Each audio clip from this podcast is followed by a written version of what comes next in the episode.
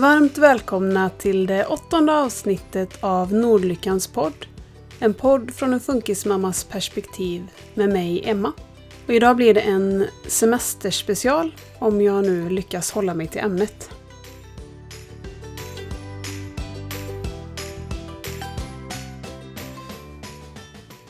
Först tänkte jag att jag skulle återkoppla till avsnittet när jag pratade om Vides eh, sommarträningsprojekt. Och då har jag fått eh, lite olika tips. Eh, jag har bland annat fått lite olika tips på hur man kan träna på att blåsa. Och det vi har provat är att blåsa bubblor i mjölk. Sen har jag annars fått tips på att man kan blåsa på fjädrar och flörtkulor. Och för att eh, träna olika ljud så finns det något som heter praxisalfabetet. Där kan man eh, träna språkljud. Och det utgår mer ifrån hur språket låter än om bokstäverna. Så till exempel är eh, bokstaven A eller ljudet eh, A är en krokodil för att likna hur ljudet låter. Och R är till exempel en väckarklocka. S en orm och eh, E en häst. Och det här praxisalfabetet finns på nätet. Man kan skriva ut det med bilder till också. Vi har inte gjort det än men jag tänker att vi ska göra det också. vi hade faktiskt ett roligt ögonblick igår där vi provade att eh, härma bokstäver i den här boken som vi har. Så ni som följer oss på Instagram har kanske sett en film där han säger A och eh, där han säger eh, försöker att säga B.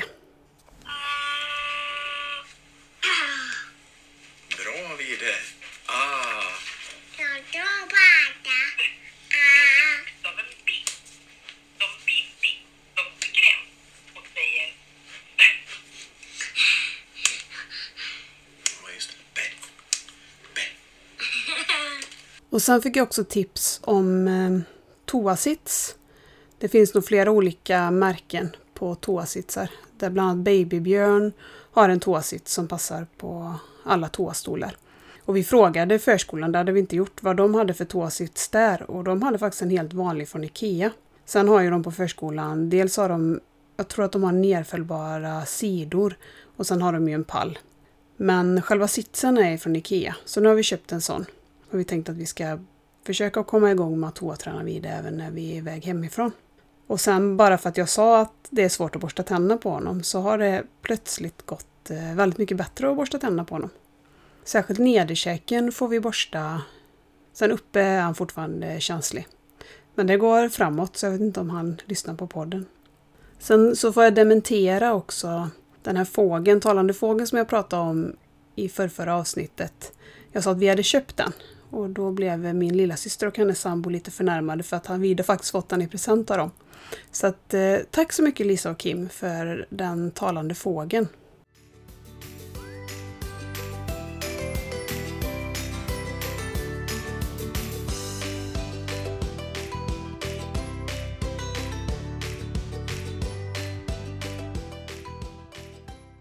Om jag då ska försöka komma igång lite med det som jag tänkt att prata om idag så är det semester och utflykter.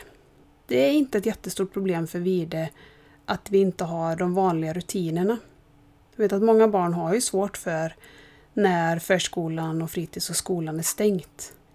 Det, så är det inte riktigt för Vide. Han trivs väldigt bra om vi är tillsammans hela familjen. Det är en väldigt tydlig skillnad hur hans humör är om vi är hemma allihopa eller iväg på utflykter alla fem än om jag åker själv med barnen.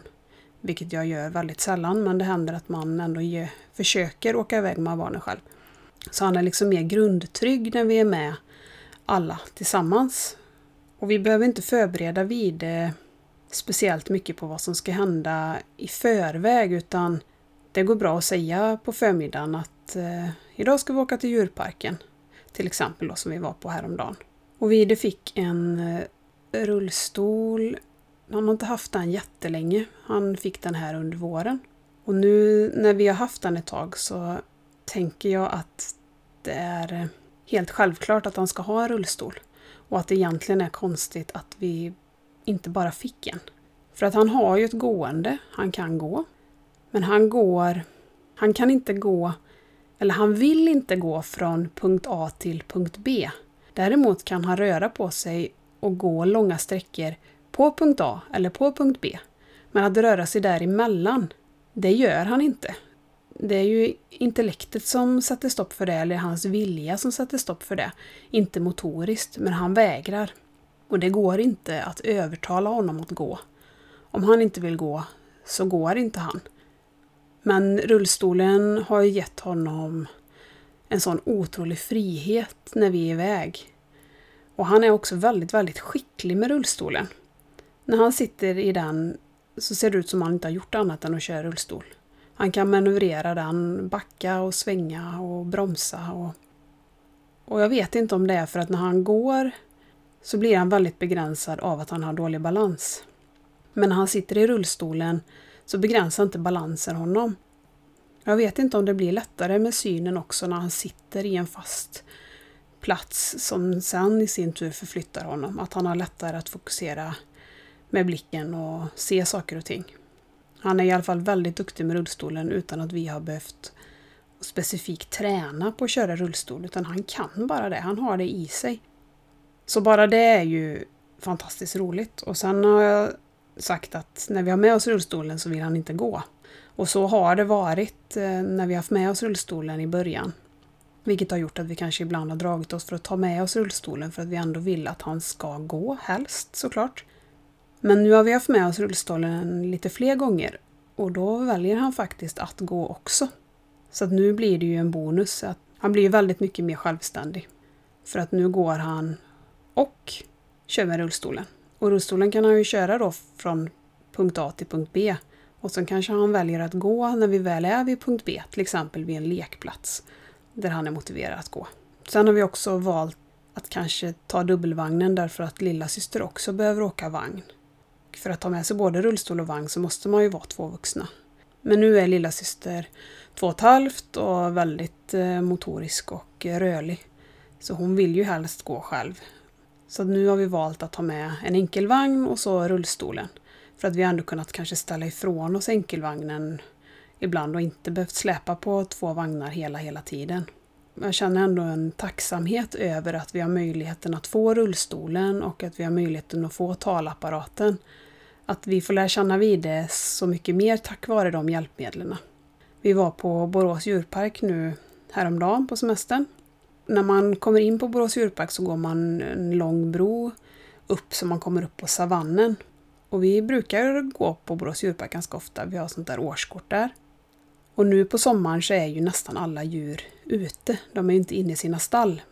Men när vi har varit där under vinterhalvåret så är det ju tvärtom att de flesta djuren är inomhus. Vi kom i alla fall upp där vid savannen och jag tänker att vi ska fortsätta runt savannen.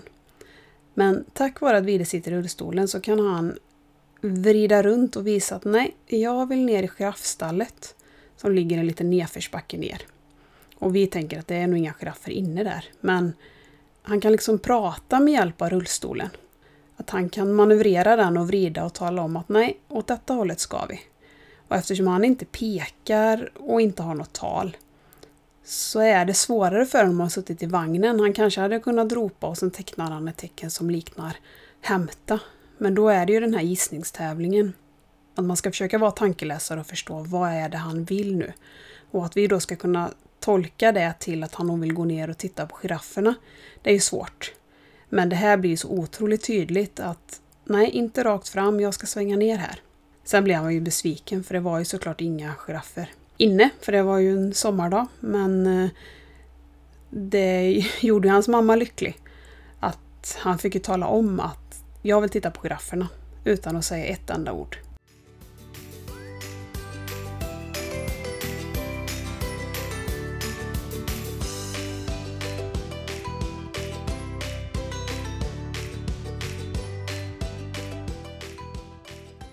Att titta på djuren på djurparken Eh, inte så mycket för Vide och dels tror jag det beror på synnedsättningen, att han har svårt att uppfatta djur om inte djuren står väldigt nära. Sen tycker han också att eh, djur är lite otäcka och lite läskiga. Så då väljer han också att inte titta på dem. Han är väldigt duktig på att ignorera, att vända bort för att slippa se. Och han har ju svårt för att man stannar till. Han vill ju hela tiden att man ska röra sig framåt. Så nu när vi gick på djurparken så turas vi om att en kör vid i rullstolen och en går med syskonen. Och den som kör vidare går ju oftast då en bit framför. För han vill ju inte stanna till utan man får ju gå lite sakta så att man hela tiden rör sig framåt. Så kom vi upp till eh, lunchrestaurangen där vi hade tänkt att vi skulle äta. Nu på grund av pandemin så var det en liten kö utanför, eller man fick vänta innan man fick gå in för att det inte skulle bli för trångt framme vid kassorna. Men han körde in med sin rullstol och jag frågade om det var okej om jag kunde släppa in han för annars så kommer han ju börja skrika. För att stå och vänta vid en dörr är ju inte aktuellt. Man kan inte förklara för honom att vi får snart gå in utan han var ju hungrig och visste att här ska vi äta och jag vill inte stå utanför och vänta. Men han fick rulla in och då var det två barn i rullstol som satt längst in i restaurangen. Och då tog han ju sikte på dem. Och sen ville han ju inte åka därifrån utan han skulle ju vara liksom i deras närhet. Titta mamma, här var rullstolar. Det är ju sånt som jag har. Det här är mina kompisar, här vill jag vara. Men om man inte känner honom så hade man nog inte uppfattat det för att han söker inte ögonkontakt. Eller ofta söker han inte ögonkontakt. Och det beror troligen på, dels kan det bero på autismen. Sen beror det kan det bero på synskadan eller synnedsättningen. För hans synnedsättning eh, innebär att han har svårt att känna igen ansikten. Alltså han eh, känner igen människor på andra saker. Kanske på hur man går och mycket på rösten. För vi har provat det någon gång när eh, mina brorsor till exempel har kommit hit och hälsat på hans morbröder. För de känner han ju väldigt väl att de inte har sagt hej förrän de har kommit riktigt, riktigt nära. Och då har man ju sett på honom att han vet nog inte vem detta är innan de öppnar eh, munnen och säger Hej Vide! Det är Oskar! Hej Vide! Det är Karl! Då ser han vilka det är. Så vi har testat det några gånger och jag tror inte att han känner igen ansikten utan han ser andra saker. Vilket också gör då att när han träffar nya människor så tittar han inte i ögonen kanske så som vi gör när vi träffar någon ny. Där vi lär känna någon genom att eh, lära känna deras ansikten. För för honom är inte det intressant. Men det är också att då tänker man att han inte hälsar eller att han inte har sett dem, men det har han. Men han använder hörseln, han kanske lyssnar på hur de låter och det kanske var mer intressant att kolla in hur rullstolen såg ut eller vad man har för kläder på sig.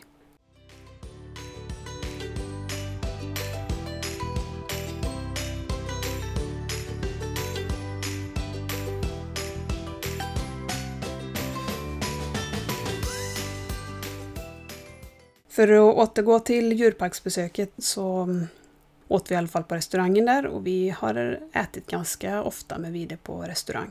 Vi har ju fördelen av att han äter ju vanlig mat. Vi behöver inte mosa och han är inte selektiv i maten heller utan han äter det mesta. Och han kan äta det. Sen kan han inte äta med bestick vilket innebär att liksom, om man själv ska äta samtidigt så kanske man inte kan hjälpa honom varje sekund och då äter han med händerna. Och han kastar mat och han sorterar mat och kladdar så det blir ju vi utmärker oss, eller han utmärker sig lite i, en restaurangbesök. Men det är inte så att han kanske är så högljudd och ropar men det är ju väldigt mycket kladd runt honom. Och som det är just nu så vill han inte ha haklar på sig. Vi har testat lite olika varianter. Innan har han haft såna här i plast som man kan skölja av och det förstår man ju, de är ganska hårda så det vill han inte ha. Och så har jag testat att köpa som ser ut som dreglisar. Men då är det ofta karbara och då vet han ju att han kan bara dra av sig dem. Så nu kör vi oftast taktiken att vi tar av han faktiskt så han får sitta med bara överkropp. Eller att vi har med oss, om det kanske inte passar sig att sitta med bara överkropp, att man har med sig en extra t-shirt. Så att man bara accepterar att han kommer bli kladdig och så byter vi kläder efter när vi ätit färdigt. Och det här var första gången vi hade med oss rullstolen på den här typen av eh, offentlig plats där det är mycket folk. Vi har haft med oss rullstolen på biblioteket, i affärer och sådär. Men vi har inte haft med oss den som på ett nöjesfält eller djurparken eller liknande innan. Och jag märker ju att folk inte är vana att se rullstol och kanske inte är vana att se barn i rullstol. För vi var ju iakttagna från att vi gick in på djurparken till att vi gick ut. Var vi än gick så tittade ju folk efter oss. Och jag upplever absolut inte att det är ett stirrande utan mer ett nyfiket intresse och att många tyckte att han var charmig i sin rullstol. Och många som hejade på honom och många barn som var framme också tittade. Men det är nog ett stirrande som jag, eller om jag ska kalla det ett stirrande, ett tittande som jag måste vänja mig vid. För till exempel på restaurang att folk säkert tittar så har man vant sig vid det så att det är ingenting jag tänker på längre. Men det här tog ganska mycket energi, att hela tiden känna sig iakttagen. Samtidigt är vi ju jättestolta över honom. Men det jag tänker är att det behövs fler rullstolar på offentliga platser. Fler funkisar på djurparken. Sen har Vide sin talapparat. De har hjälpt oss så jättefint på Hjälpmedelscentralen, där hjälpmedelsteknikerna. Så att vi har fått ett, som ett stativ till hans talapparat, så att han har sin talapparat framför sig på rullstolen. Och den är ju många barn nyfikna på, för den ser ju ut som en platta eller som en iPad. Särskilt när han kör sin rullstol själv så är det ju många barn som tittar. Och det förstår jag ju för att det ser ju väldigt roligt ut och det är jätteroligt att köra rullstol också. Så jag tror också det finns lite avundsjuka eller att man också skulle vilja köra eller testa rullstolen. Och det har vi ju alltid sagt när vi tidigare haft med sig sin rullator och kanske ställt ifrån sig den någonstans. Till exempel när han hade med sig den på öppna förskolan så var det ofta barn som ville prova den och föräldrarna oj nej nej nej du får inte röra den. Men då har vi alltid sagt att prova jättegärna. Nu sitter han ju här och fikar till exempel att just nu behöver han inte den. Så prova du gärna. Och det kommer vara samma sak med rullstolen att om han inte använder den just nu och du är nyfiken på den så fråga. Det är klart att ni får prova.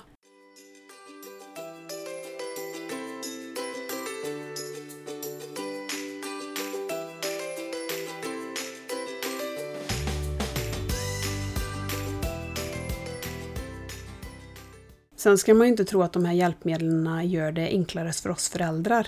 Och det är ju tvärtom. För att det enklaste för oss är ju att sätta vid i en vanlig vagn. Där vi vet hela tiden var han är någonstans och där vi styr. Med rullstolen så styr ju han. Och han är ju också en rymmare. Det har jag sagt eh, många gånger till Henrik att om han hade varit eh, duktigare på att gå och kunnat springa så tror jag vi hade haft bekymmer med att han hade rymt. För han har det i sig att sticka. Och det märker man väldigt tydligt när han har rullstolen, att han rullar ifrån oss eh, flera gånger om. Så rullstolen blir ju ett merarbete för oss föräldrar. Vi måste ju än mer ha en person som är med honom hela, hela tiden. Nu fick han ju verkligen göra på sitt sätt. Röra sig i den takten han ville och han är ju rolig också för om han tycker att man går lite långsamt, för jag försökte ju gå lite långsamt då för att vi inte skulle komma för långt framför. Då skjuter han ju på lite på rullstolen och talar om att nu mamma kör du alldeles för långsamt. Så han kan ju prata med rullstolen. Och så kom vi upp, eh, det finns en bro som går över björnhägnet. Och då kom det en björn gående. Liksom skulle, jag såg att han skulle passera in under bron så att jag vände upp honom. Tänkte att här kommer han ju se jättebra när björnen kommer gående, liksom väldigt nära oss. Då vred han upp sig i rullstol och så började han åka iväg och så stannade han till och så tryckte han på talapparaten. Hej då! Och så fortsatte han rulla.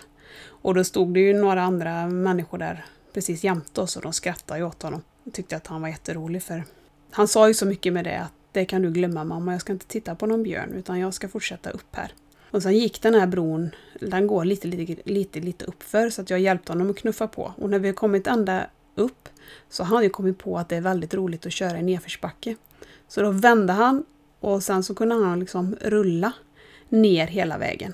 Sen att hans mamma då behövde knuffa honom upp igen, det brydde sig inte han om. Men han tyckte det var jätteroligt och man får ju vara med också för att han eh, kör ju på folk ibland. Ibland är det ju omedvetet och ibland medvetet som ett bus. Och det är kanske inte ett jätteroligt bus att bli påkörd på hälarna av en rullstol. Sen efter vi hade passerat björnarna så stannade vi och köpte glass i en kiosk.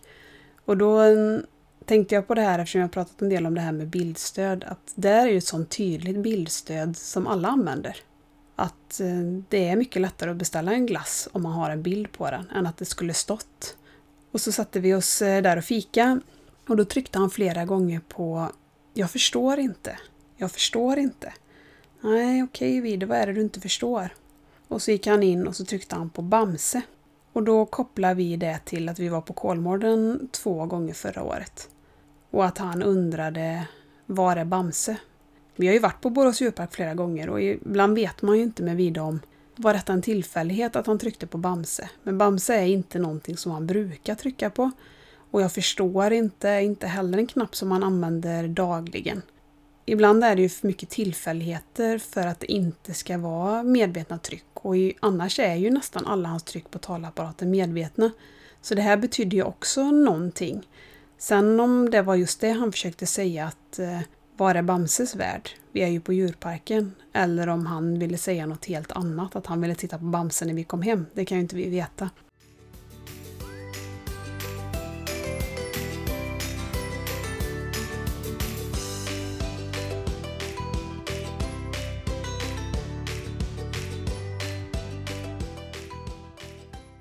Och vi är inne på våran andra semestervecka nu. Vi hade egentligen tänkt att vi skulle åka ner till stugan som ligger utanför Varberg, eller det är Henriks mammas stuga som vi hade tänkt vara i några dagar. Men våran katt eh, har blivit sjuk och fått operera sig och då ska han nu ha medicin två gånger om dagen och ha tratt så att vi vågar inte lämna honom ensam. Och han ska ha den här tratten nu fram till, ja vad är det nu, det är väl en, minst en vecka till. Så vi gör lite olika dagsutflykter. Så vi har varit på djurparken då som jag har berättat och sen så har vi varit ute och vandrat. Och, eh, idag har vi varit på Hoppen Pop och eh, träffat eh, kompisar till oss som vi har lärt känna vid habiliteringen. Som har en son som är ett år äldre än Vide och eh, hans storebrorsa är lika gammal som Alve. Så vi var där ett par timmar idag och eh, lekte och fikade och jätteglada och nöjda barn när vi var på väg hem. Annars är mitt bästa tips för utflyktsmål och semester att åka under lågsäsong. Vi har ju helst semester så sent som möjligt och brukar vänta med att hyra stuga och så mot slutet av semestern när det är lite mindre folk. Nu är det ju lite speciellt just i år men i vanliga fall så brukar det ju mot mitten av augusti vara ganska tomt i jämförelse på turistattraktioner. Mitt andra tips är att våga använda tillgänglighetsarmband på olika typer av nöjesfält. Vi har använt det både på Liseberg och på Kolmården. Och det brukar jag få mycket frågor om när jag har lagt upp på Instagram till exempel att vi har använt eh, oss av det, hur det går till. Och det har inte varit alls eh, krångligt. Vi har tagit med oss en kopia på något av läkarintygen. Jag kan säga att de brukar inte titta jättenoga på dem. Och i Vides fall så är det ju ganska tydligt att han har ett handikapp. Men det är klart att om man har ett barn med ett mer osynligt handikapp så kanske det är lite viktigare vad det står i intyget. Men då har man gått till informationen, för både på Liseberg och Kolmården är det via entrén, att man går till informationen. Och bara visar upp intyget och sen så får man ett sånt band som man antingen sätter på sig själv eller på barnet. Vi har ju försökt sätta det på Vide för att om jag sätter det på mig till exempel så måste jag hela tiden åka med honom. Och vi kanske vill turas om så då är det bättre om det sitter på honom. På både Liseberg och på Kolmården så har det fungerat så att eh, man har fått åka med tre personer till plus Vide. Så då har jag inte så mycket för att åka saker för jag blir så otroligt illamående. Men Henrik har åkt med barnen och då får man gå in bakvägen med hjälp av det här bandet så man går där andra går ut, där går vi in. Och bemötandet har varit så väldigt fint. Och både på Liseberg och på Kolmården är det så att man får åka attraktionen två gånger på raken. Så att man får åka en gång och sen får man sitta kvar och åka en gång till. Och sen så får man välja en annan attraktion. För oss är det så att utan det här bandet hade inte vi kunnat åka någonting alls. Han kanske hade kunnat åka en attraktion, orkat stå i en kö. Men sen är ju energin slut. Att vänta, att förstå det begreppet vänta när man vill göra någonting roligt, det är ju jättesvårt. Och han skulle ju skrika sig igenom kön. Så det är tips nummer två, det är att använda tillgänglighetsarmband, våga använda dem. Och just när man är iväg på djurparken eller nöjesparker eller museer eller badhuset så är det faktiskt en väldig fördel att ha med sig just rullstolen. För ofta så ska ju vagnen parkeras utanför, att det finns någon barnvagnsparkering. Och det kanske finns någon snäll personal som låter en ta med vagnen in. Men rullstolen ställs det inga frågor kring. Den får man ju ta med sig in. För förra året när vi var på Kolmården, vi var där två gånger. För först var vi där en gång som vi hade planerat på vår sommarsemester och sen så vann jag en fototävling där det ingick eh, en övernattning på Vildmarkshotellet och två dagar på Kolmården. Och då blev det att vi åkte dit även på hösten. Och det var aldrig något problem att vi hade en dubbelvagn. Utan vi fick stå på rullstolsplats med dubbelvagnen. Där var det inget problem alls. Men med rullstolen så är det ju ingen som ställer några frågor. Man behöver inte förklara att det här är hans specialvagn.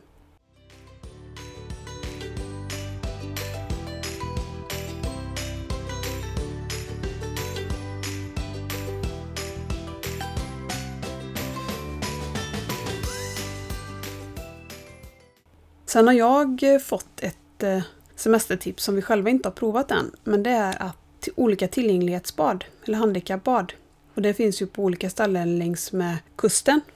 Och jag tror att den typen av bad passar eh, många funkisar, inte bara de som kanske är helt rullstolsburna utan även som Vide till exempel då som ändå har ett självständigt gående. Därför att när jag tittar på bilder så ser det ut som att man kan ta sig lite lättare ner till havet för att man har kanske lagt ut spångar som är körbara. För annars nu när man kommer fram till en sandstrand så får man ofta ställa vagnen eller, eller rullstolen en bit ifrån för att det är kanske sand eller dyner man ska över och klipper och inte så lätt att köra så då blir det att man får bära vid det. Men som det ser ut på de bilderna på de ställen jag har tittat så kan man komma närmare vattnet utan att behöva bära.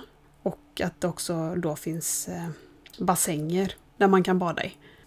Det finns ramper där det är lite lättare att gå ner. Det hade vi ju en jakt på förra året med flythjälpmedel, vad vi skulle ha till vide. För vi har provat alla möjliga olika. Vi har provat flytväst, alltså badväst som ser ut som en flytväst, det är ju ingen flytväst. Och så hade vi det i kombination med en vanlig ring.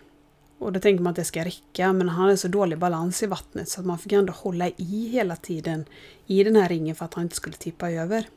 Och sen provade vi Cheerios säger jag. Det ser ut som sådana frukostflingor fast stora. Alltså det är armpuffar. De är ju helt runda. Så de ger ju ett väldigt fint vattenläge. Och de har vi både till Vide och till Tuva nu. Och vi måste ju fortfarande hålla i Vide men det känns som att man får jobba lite mer med balansen med dem. Och att han börjar lära sig hitta var han har sin kropp i vattnet. Så de skulle jag ju tipsa om i första hand om man är så pass stadig ändå att man kan hålla upp sitt huvud. Sen fick jag tips om eh, sådana badringar som man sätter, det ser ju lite makabert ut, men man sätter dem runt halsen som en eh, krage. Och så flyter man i den för då blir ju kroppen helt självständig. Armarna har ju ingenting på sig och inte benen. Det blir en väldig frihetskänsla.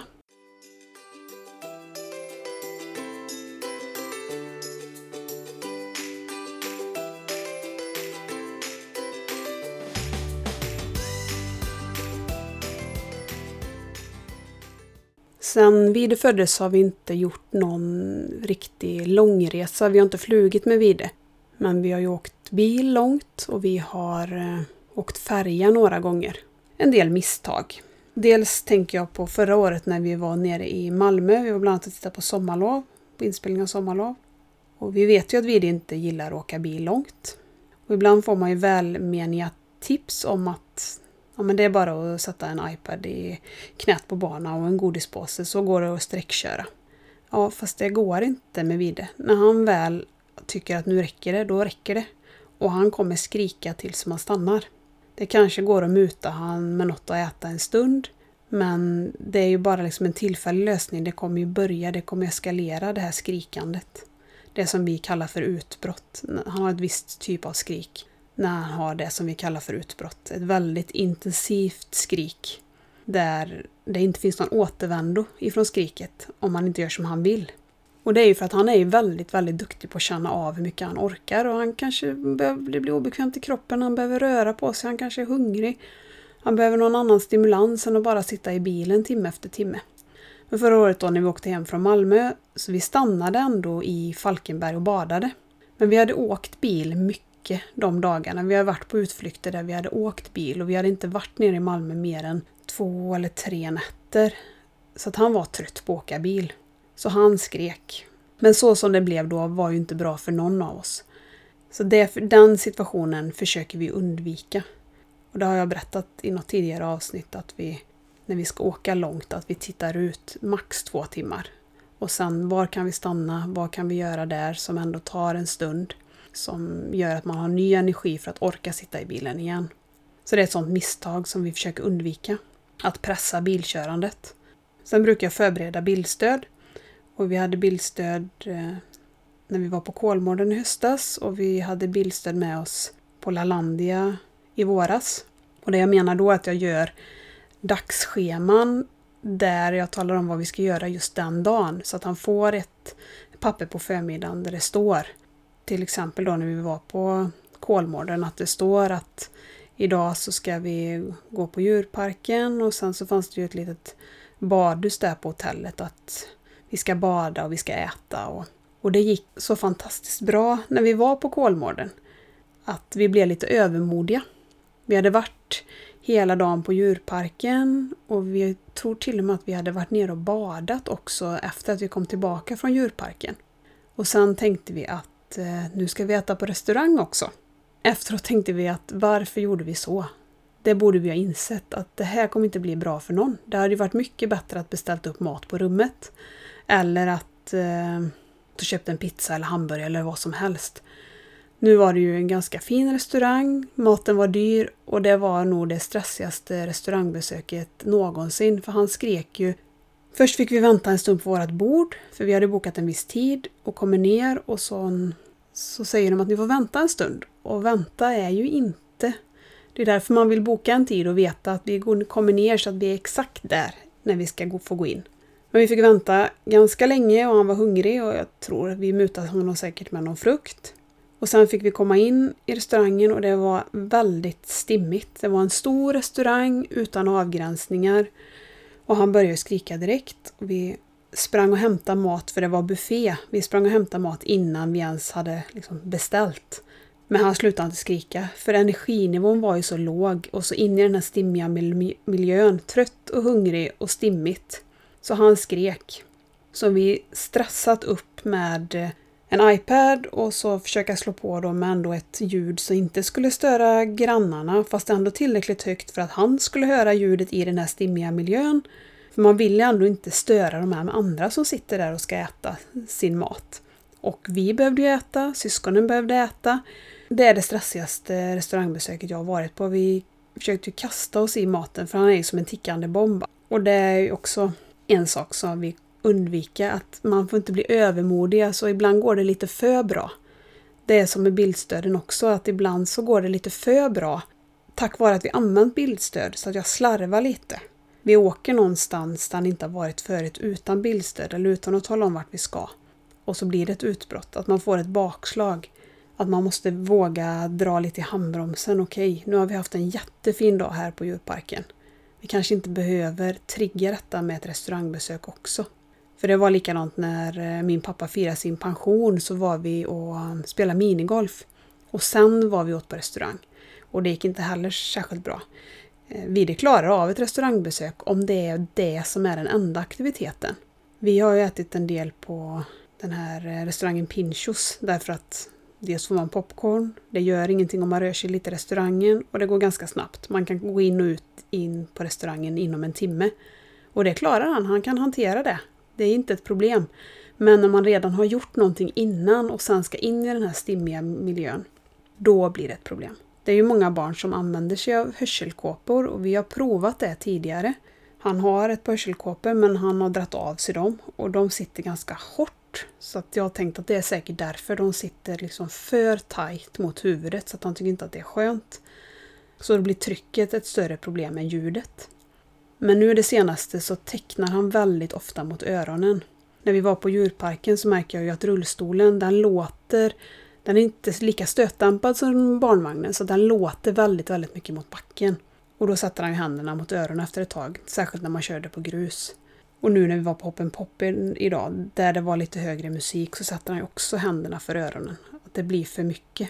Att Eftersom hans syn är nedsatt så tror jag att hans hörsel har en, liksom en lite högre volym än hos oss andra. Så det blir väldigt eh, påfrestande med ljud för honom.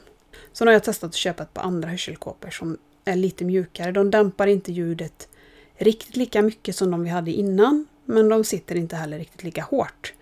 Och vi har provat dem nu, han drar ju av sig dem. Men man får försöka vänja in honom och sätta på honom dem i miljöer där han upplever ljudet som ett problem eller som störande. Då kanske han tycker att det är skönt.